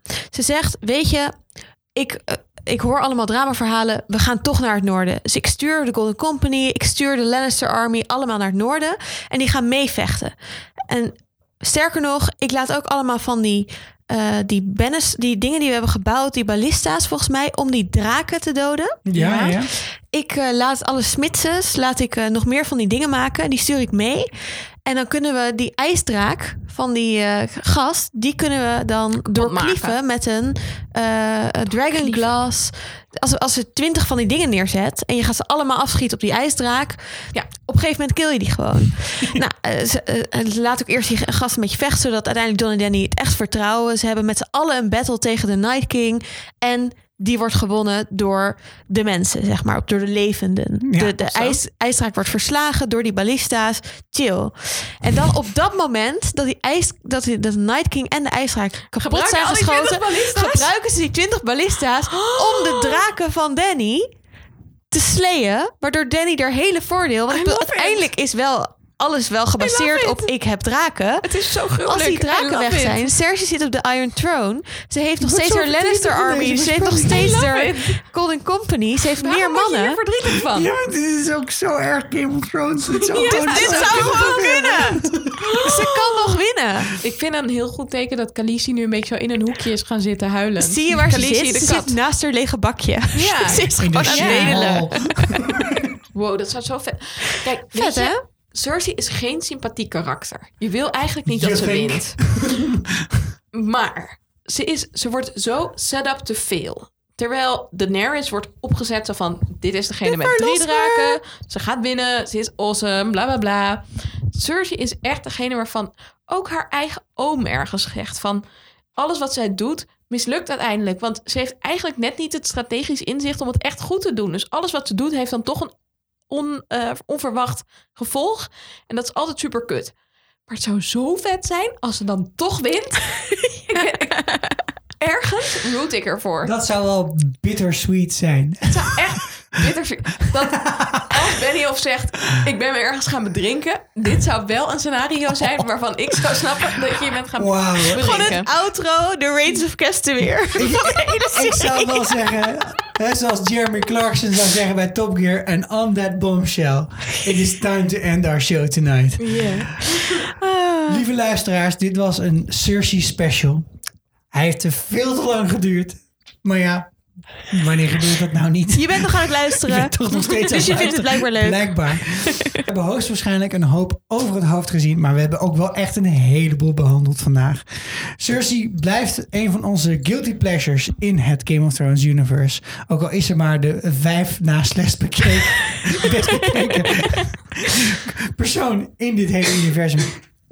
Het volgende seizoen zal ze zeker een enorm belangrijke rol gaan krijgen. Ja, of ze gaat gewoon dood in de eerste aflevering. Want het kan ook bij Game of Thrones, hè? Maar, even eerlijk, dat hebben we al vier seizoenen, drie seizoenen Niet gezien. gehad, dat is waar. Het is echt lang geleden dat een major character op een heel onverwacht moment is doodgegaan. En wordt niet opnieuw tot leven meer- is gewekt door Melisandre. Ja, maar Pieter Baelish leeft ook nog steeds gewoon in het, eh, in, in het echt. Dus, Wil ik het tijdens de voorspellingen aflevering heel graag over hebben. de voorspellingen-afleveringen. We zijn aan het einde gekomen van deze opname. Als jullie voor het nieuwe seizoen of voor een andere special die je graag zou willen horen, nog suggesties hebben, dan kun je ons altijd bereiken op de socials. En dat doe je op Twitter via NLGOT Podcast.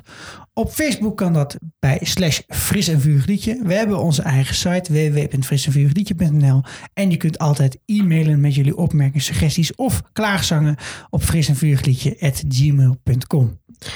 We maken deze show helemaal omdat we het zo super leuk vinden. Ehm, maar het kost best wel veel tijd.